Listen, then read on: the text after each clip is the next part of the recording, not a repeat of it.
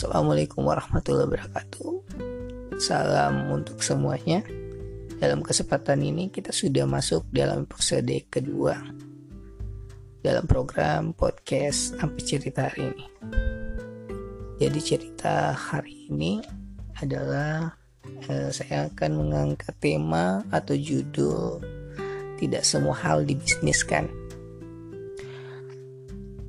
Ya ini sebenarnya eh, niat saya untuk uh, berkunjung di salah satu rumah kerabat yang uh, sebelumnya saya sudah berniat untuk datang membawa uh, kopi saya atau uh, saya ingin uh, membuatkan uh, kerabat saya itu kopi ya. Dan uh, pada kesempatan ini tepatnya itu pada pagi hari tadi saya baru sempat berkunjung di rumah kerabat. Jadi saya tidak menunggu lama sih. Sebenarnya tidak ada basa-basi yang begitu lama. Ya langsung pada oh, niat saya sebelumnya untuk membuatkan kopi. Tapi sebelumnya itu kan saya menggunakan uh, membuat kopi itu menggunakan uh, Vietnam alat Vietnam trip. Tapi sekarang ini uh, alatnya itu beda. Sekarang saya sudah menggunakan alat mocha pot. Jadi uh, uh, ini kali pertama ya cuma kerabat saya itu mencoba uh, apa ya mencoba kopi yang dimasak dengan menggunakan alam alat mocha pot dengan kopi yang berbeda pula jadi kopinya ini saya mengambil kopi dari salah satu roster rostering yang berada di Kabupaten Sopeng. Nama uh, brandnya itu adalah Infinite. Tepat alamatnya itu tepatnya di Jalan Malaka. Coba buka-buka saja di Instagram, pasti kalian menemukan uh, salah satu uh, apa ya menemukan brand yang namanya Infinite. Setelah menunggu beberapa menit, kopi pun itu masak ya, dan saya uh, suruh beliau untuk mencobanya. Dan katanya uh, kopinya ini maksudnya uh, beda beda dari yang sebelum sebelumnya.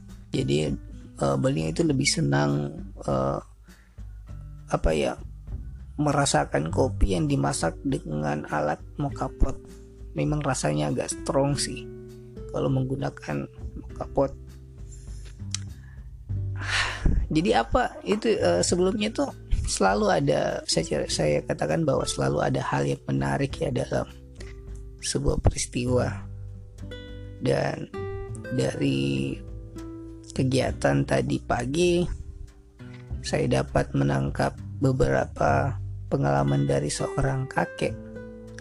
Yang bagi saya itu pengalamannya itu uh, apa ya sangat berharga ya untuk dijadikan uh, dasar juga untuk melangkah ke depan.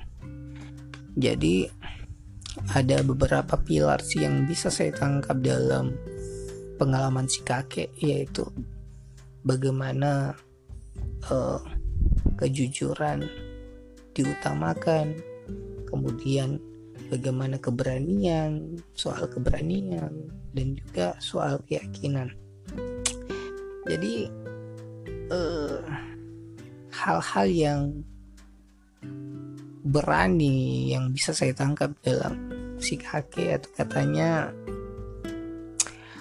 dia pernah um, apa ya mendapatkan ular ya di di kebunnya dan maksudnya dia uh, mencoba eh apa ya mencoba membunuh si ular. Namun ketika beliau ingin membunuh si ular uh, parangnya itu menyangkut. Jadi pas dihantamkan ke ular itu uh, pas uh, parangnya itu mengenai di bagian tengah sisi ular sisi si ular. Dan katanya si si ular ini uh, agak mengamuk dan mengejar si kakek.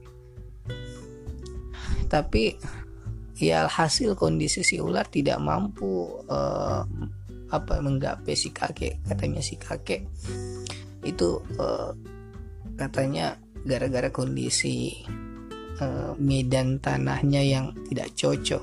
Katanya kalau misalnya ular itu berada di uh, rumput mungkin lebih cepat uh, geraknya. Dan soal